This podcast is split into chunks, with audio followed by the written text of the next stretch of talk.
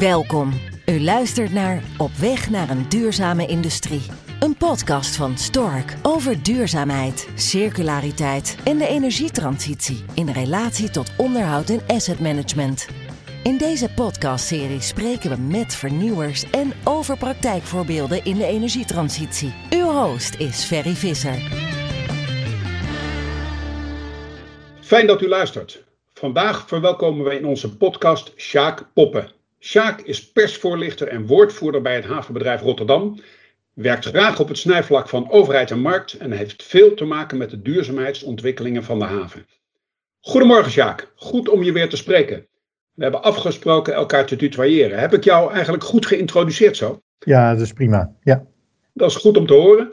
In het komende kwartier ga ik proberen voor onze luisteraars meer te weten te komen over de ontwikkelingen en plannen, maar vooral ook over wat jullie al aan het doen zijn om als havengebied duurzamer te worden. Daar is dan ook mijn eerste vraag op gericht. Als landlords hebben jullie enerzijds jullie eigen bedrijfsvoering die duurzamer moet worden, maar hebben jullie vooral ook te maken met jullie velo fossiel georiënteerde bewoners. En eigenlijk is daar in eerste instantie mijn vraag op gericht, want ik denk dat dat de meest dominante factor is in, eh, in de nou ja, verduurzaming die plaats moet vinden. Hoe gaan jullie om met die fossiel georiënteerde bewoners van jullie havengebied? Zou je daar wat over kunnen vertellen? Uh, ja, tuurlijk. Ehm, je hebt gelijk. De, de impact van wat onze klanten, zeg maar de, de bedrijven die terrein huren in de haven van Rotterdam en, en de scheepvaart. Wat wat die uitstoten, dat is uh, van veel groter uh, impact dan wat we zelf als, als bedrijf doen. Hè. Onze eigen bootjes en auto's, dat, valt wel, uh, dat, dat loopt wel los als je kijkt naar totaal. Want de industrie in Rotterdam stoot bij elkaar ongeveer 14% van alle CO2 in Nederland uit. Dus dat is op, ja, op die paar vierkante kilometer zitten ontzettend energie-intensieve bedrijven. En die bedrijven weten allemaal dat er een akkoord gesloten is in Parijs. En die zijn allemaal ook aan het kijken naar wat moeten wij doen om over 30 jaar nog een florerende business te hebben. En wij zien het als onze rol als havenbedrijf om bedrijven de mogelijkheden te bieden, om ze te helpen, ze te stimuleren ook bij het verduurzamen van hun processen. En dat zit er heel veel op, heel vaak op, dat je zorgt dat de goede infrastructuur aanwezig is. Je kunt als bedrijf wel zeggen, nou ik wil mijn, mijn processen verduurzamen door op, op elektriciteit of op waterstof te gaan draaien, groene waterstof. Maar ja, als dat niet geleverd wordt, dan is dat lastig. Uh, je kunt zeggen, ik wil mijn CO2 afvangen en, en laten opslaan. Maar ja, als je dat in je eentje moet organiseren, is dat veel lastiger dan wanneer je dat collectief probeert. Dus dat is stap 1. Zorg dat die bestaande industrie minder uitstoot. En daar valt bijvoorbeeld zo'n Portos CO2-opslag. Zorg dat je energiesysteem verduurzaamt door elektriciteit en waterstof te gebruiken in plaats van fossiel. En de derde stap is, uh, ga je hele grondstoffensysteem verduurzamen. Dus maak al je productieprocessen circulair, zodat je ook geen fossiele uh, grondstoffen meer nodig hebt voor je producten. Portos is een heel belangrijk uh, programma of project bij jullie, geloof ik, hè? gericht ja. op, uh, op energieafvang en opslag, of CO2-afvang en opslag. Ehm, ja, zou je daar iets meer over kunnen vertellen? Dus wat we doen met Portos is een leiding aanleggen dwars door het havengebied, ruim 30 kilometer lang. Als je bedrijf CO2 uitstoot en, en uh, je, je slaat het liever op onder de grond, dan, uh, dan kan je je melden. En dan kan je contracten afsluiten, CO2 aanleveren. Neemt Portos het over bij het hek van het bedrijf en uh, neemt het dan mee met die leiding dwars door het havengebied richting een platform 20 kilometer uit de kust. Een, de, een platform boven een leeg uh, gasveld. En ja, pompt het dan in het gasveld. Met CO2 afvang en opslag kun je al op korte termijn veel CO2 tegen relatief lage kosten uit de atmosfeer houden. Dus het is eigenlijk veel meer een project waarmee je een klimaatdoelstelling realiseert dan een, een transitiedoelstelling. Je kunt met z'n allen focussen op, uh, oh, als we maar in uh, 2050 CO2-neutraal zijn. Maar het gaat erom hoeveel CO2 er in 2050 in de atmosfeer zit. Dus hoe, hoe sneller je begint met reduceren, eigenlijk hoe meer tijd je hebt om die laatste ingewikkelde processen ook CO2-neutraal te maken. Dat gaan we doen met uh, 2,5 miljoen ton CO2. Dat is ongeveer 10% van alle CO2 die in Rotterdam wordt, uh, wordt uitgestoten. CO2 van Shell, Exxon, Air Liquide en Air Products. begin volgend jaar hopen we de finale, verwachten we ook de finale beslissing te nemen om het te gaan doen. Dan moeten we alle vergunningen binnen hebben. En dan kan het in 2024 eh, eh, gaan draaien. Dat is al een heel mooi voorbeeld, denk ik, van een rol die jullie daar als havenbedrijf eh, pakken. Jij noemt net ook de drie zeg maar pijlers onder jullie strategie. En dat is het reduceren, het hergebruiken, duurzaam maken en het recyclen. ja, wij hebben daar ook een, een, model voor ontwikkeld: reduce, reuse, recycle. Ja. maar dat reduceren komt dan natuurlijk nog niet zoveel van terecht. of zie ik dat verkeerd? Het aardige is dat als je kijkt naar de totale Rotterdamse haven, dan zie je dat uh, al vier jaar op rij de uitstoot uh, daalt. Dat is mooi om te horen. Ja, en, uh, en nog behoorlijk ook. vier jaar geleden stootte de industrie een procent of 17 uit en we zitten nu onder de 14 procent. Als je kijkt naar de totale Nederlandse uitstoot. Dus de, de reductie in Rotterdam loopt harder dan het gemiddelde in Nederland. En tegelijkertijd, ja, in de in de industrie, de, de, de chemie- en de raffinagesector, gaat dat nog niet zo hard naar beneden als je die, die, uh, die segmenten bekijkt. Ja, en dat heeft er alles mee te maken dat je die processen niet heel makkelijk, heel snel verduurzaamt. De, de, de CO2-uitstoot naar beneden brengt. En daarom zijn projecten als, als zo'n Portos belangrijk. Want als je bijvoorbeeld de industrie wilt laten overstappen van, van gas op waterstof, groene waterstof als brandstof, en die brandstof is nodig om heel hoge temperaturen te bereiken, ja, dan moeten de branders, de fornuizen, moeten daar wel geschikt voor zijn. En er moet groene waterstof voorradig zijn. Weet je? En zolang dat niet het geval is, uh, ja, is, dat, is dat gewoon lastig. Ja, ja en, en, en, daar zit dan dus een klein beetje kip-ei, uh, zeg maar, uh, discussie misschien. Maar jullie nemen dan als havenbedrijf wel een verantwoordelijkheid om die groene waterstofinfrastructuur, zeg maar, te ontwikkelen, als ik het goed begrijp. Ja, ja. Wij bepleiten bij de Rijk enerzijds heel hard dat er veel meer wind op zee uh, komt en veel sneller dan, dan nu gebeurt. Nou, wij hebben gezegd als havenbedrijf tegen EZK en tegen Tennet, wij willen graag 2 gigawatt extra in Rotterdam hebben, bovenop wat al is afgesproken. En dat in Rotterdam direct omzetten in waterstof of direct door de, door de industrie laten gebruiken om pro processen te elektrificeren. Los daarvan, los van die 2 gigawatt extra, komt er al de nodige wind van zee naar Rotterdam. Het, eerste hoogspanningsstation van Tennet wordt nu gebouwd op de Maasvlakte en, er is meer onderweg. We zijn een speciaal bedrijfsterrein aan het ontwikkelen voor electrolyzers. Dat, dat zijn fabrieken waarmee je groene stroom gebruikt om water H2O te splitsen in waterstof en zuurstof. Shell en, en BP en Nourion hebben uh, grootste plannen om daar electrolyzers te gaan bouwen. Om dan die waterstof bij de bedrijven te krijgen die het nodig hebben, uh, gaan we inderdaad met GasUnie een, een pijpleiding uh, aanleggen dwars door het havengebied.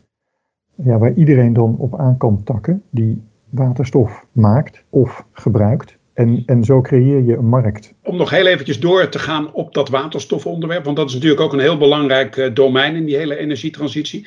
Er zijn een aantal andere regio's in Nederland waar ook zwaar ingezet wordt op, op waterstof. Hè. We, we, we, kennen natuurlijk uh, de ontwikkelingen in het noorden van het land, uh, Seaports -hmm. Groningen en alles wat daar gebeurt. Um, maar ook in zeg maar, nou ja, Noordseaport, de, de Vlissingen, Terneuzen, ja. die, die ontwikkelen. Daar wordt ook heel veel waterstof uh, verbruikt en zijn ook grootste plannen. Wordt er samengewerkt met die regio's op dit gebied? Het kan toch bijna niet van niet, zou ik zeggen. Nee, dat klopt. Uh, er wordt natuurlijk uh, zijn plannen voor een nationaal waterstofnetwerk. Hè? Gasunie ja. trekt daar hard aan, Highway 27. Dus je ziet dat daar, waar, waar, wij zeg maar die eerste 30 kilometer in Rotterdam aanleggen, van dat, dat lokaal-regionale waterstofnetwerk, uh, zien ze dat ook voor zich in Groningen en in Amsterdam en, en, Zeeland. En die verschillende onderdelen die gaan in de komende jaren dan ook aan elkaar gekoppeld worden, zodat je één waterstofnetwerk krijgt. Dus dat wat betreft de infrastructuur en, en samenwerking. Um, wat je ook ziet is dat um, je, denkt in regio's, hè, als je zo denkt in Zeeland en Groningen en wat dan. Ja, het, de bedrijven die daar actief zijn, dat zijn gewoon dezelfde. Uh, Shell is in Rotterdam actief met zijn electrolyzer plan. Uh, Shell is ook in Groningen actief met dat, dat grote North H2-plan om, om heel veel wind op zee daar te zetten en om te zetten in waterstof. In 2050, dan zijn we als, als, nou ja, als maatschappij CO2-neutraal. Ehm, de Rotterdamse haven heeft nu heel veel eh, zeg maar, olie- en gas georiënteerde activiteiten. Bijvoorbeeld veel olietankopslagbedrijven en dat soort zaken meer. Hoe ziet die haven eruit in 2050? Zijn die bedrijven er dan nog? Of, of hebben jullie daar een visie op? ja, ik verwacht dat in 2050 die haven er voor een heel groot deel nog uitziet zoals nu sommige dingen zijn echt anders. Uh, denk aan, uh, aan, aan, overslag van kolen of zo. Hè? Kolen die nu gebruikt worden voor de staalindustrie. Dat, dat, dat ga je uh, niet meer zien, denk ik. Maar de chemische industrie, die blijft. Productie van synthetische brandstoffen zal er zijn. Dus ja. brandstoffen, bijvoorbeeld om te vliegen. of om schepen op te laten varen. Dingen die je niet makkelijk met een, een dikke batterij uitrust. Nee. Um, dus die producten blijven gemaakt worden, maar dan niet meer op basis van fossiele grondstoffen, maar op basis van uh, afval, op basis van biomassa, op basis van groene waterstof en op basis van CO2. Want heel veel van de producten die we gebruiken zijn koolwaterstoffen, verbindingen van C'tjes en H'tjes. Uh, dus dat blijven we ook in de toekomst doen. Alleen halen we die H'tjes dan uit, uh, uit water met ja, elektrolyse en, en de C'tjes, uh, nou ja, daar, daar hebben we al te veel van, hè, in de vorm van CO2. Uh, eh, dus die, dus die is ook beschikbaar goed hergebruiken. Ja, voor, voor, de, voor de mensen die een beetje een chemie-achtergrond hebben, zullen dat heel goed, uh, goed begrijpen. Wat we nog niet benoemd hebben, dat is de hele zeg maar, logistiek en de distributie-elements binnen, binnen de haven. er is heel veel scheepvaartverkeer in de haven, ja. maar natuurlijk ook nog heel veel, heel veel zeg maar wegvervoer en spoorvervoer. ook daar moet die transitie en die omslag plaatsvinden. Zijn jullie al met initiatieven op dat gebied bezig? Ja, volop. Zowel op het gebied van zeevaart als zeg maar in het havengebied zelf, als het, het, transport richting het achterland, zoals we dat dan noemen. Ja. om met die laatste te beginnen, er wordt bijvoorbeeld nu een, gewerkt aan een schip, dat, dat, een binnenvaartschip, dat wordt verbouwd. En dat gaat varen op uh, elektrische batterijen. Die zitten in een grote container. En het mooie is dat je dan uh, die batterijen in zijn geheel kunt vervangen. dus als je, met je, als je een Tesla hebt, dan moet je elke keer dat ding opladen. Maar hier vervang je gewoon de hele batterij. Dus dat is binnenvaart. Dus we zijn ook bezig met trucks op uh, elektriciteit en op waterstof. We proberen in 2025 duizend uh, vrachtwagens op waterstof te hebben in uh, Rotterdam, Duisburg, Antwerpen, zeg maar die, die driehoek. Um, als je kijkt naar het havengebied zelf, schepen die aan de kade liggen, laten hun motor draaien om stroom op te wekken. Denk aan koelcontainers of de verlichting ja. of wat je dan wilt aan boord. Um, dus de, een eerste project uh, is gerealiseerd waarbij uh, schepen van Herema die bij Rozenburg liggen aan de stekker gaan als ze hier in de haven liggen. En we zijn met meer projecten bezig. En dan de, de zeevaart zelf. daar zie je steeds meer initiatieven komen om op LNG te varen. Wat nog wel fossiel is, maar in ieder geval al schoner dan stookolie. Maar ook biobrandstoffen en methanol mooi om eh, te horen dat uh, het havenbedrijf Rotterdam ook daar, ondanks dat die scheepvaart zich natuurlijk voornamelijk buiten de haven plaatsvindt, ook daar een, eh, een, verantwoordelijkheid neemt om daar in ieder geval dat te beïnvloeden, dat, dat effect. Ja. Ja, ja, en het is, het is verantwoordelijkheid en tegelijkertijd is het ook geld verdienen. Hè? want wij kijken natuurlijk ook naar, hey, veel van die schepen worden nu in Rotterdam voorzien van, van brandstof. Ja. Uh, nou, dat is een rol die je ook over twintig jaar uh, nog wilt hebben als haven, omdat er heel veel werkgelegenheid en welvaart uh, mee samenhangt. Dus ja, weet je, we gaan met z'n allen verduurzamen. Dat moeten we doen om de planeet, om ons klimaat te redden. Uh, en, en als je weet dat dat gebeurt, doe dan ook je best om te zorgen dat je daar een boterham aan kunt verdienen. want, want anders heb je gewoon geen business over. Zo simpel ja. is het. Waar ik wel nog als laatste vraag aan jou zou willen, willen stellen, is ehm, ja, welk advies zou je aan luisteraars uit de industrie kunnen geven vanuit jullie ervaring en perspectief?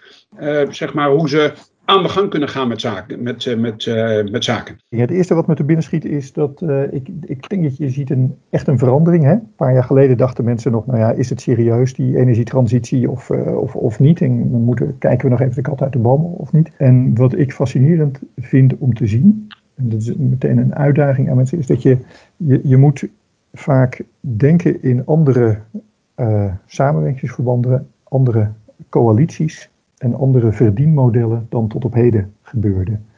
En dat maakt het spannend en lastig, want aan het eind van de dag moet iedereen eraan kunnen verdienen, anders doen mensen niet mee. Maar dat maakt het ook wel heel uitdagend. Absoluut. Het, het, vraagt veel creativiteit voor mensen in het nou ja, denken in andere modellen en andere systemen. Nou, dat, dat vind ik een hele mooie afsluiting. Uh, ja, we zijn aan het eind gekomen van deze podcast. Sjaak, ik wil je hartelijk bedanken voor je, voor je tijd en, en je waardevolle inzichten. Uh, ik wens je natuurlijk heel veel succes bij het realiseren daarvan. En uh, ja, ik zou zeggen, uh, we spreken elkaar weer. Tot ziens. Heel graag.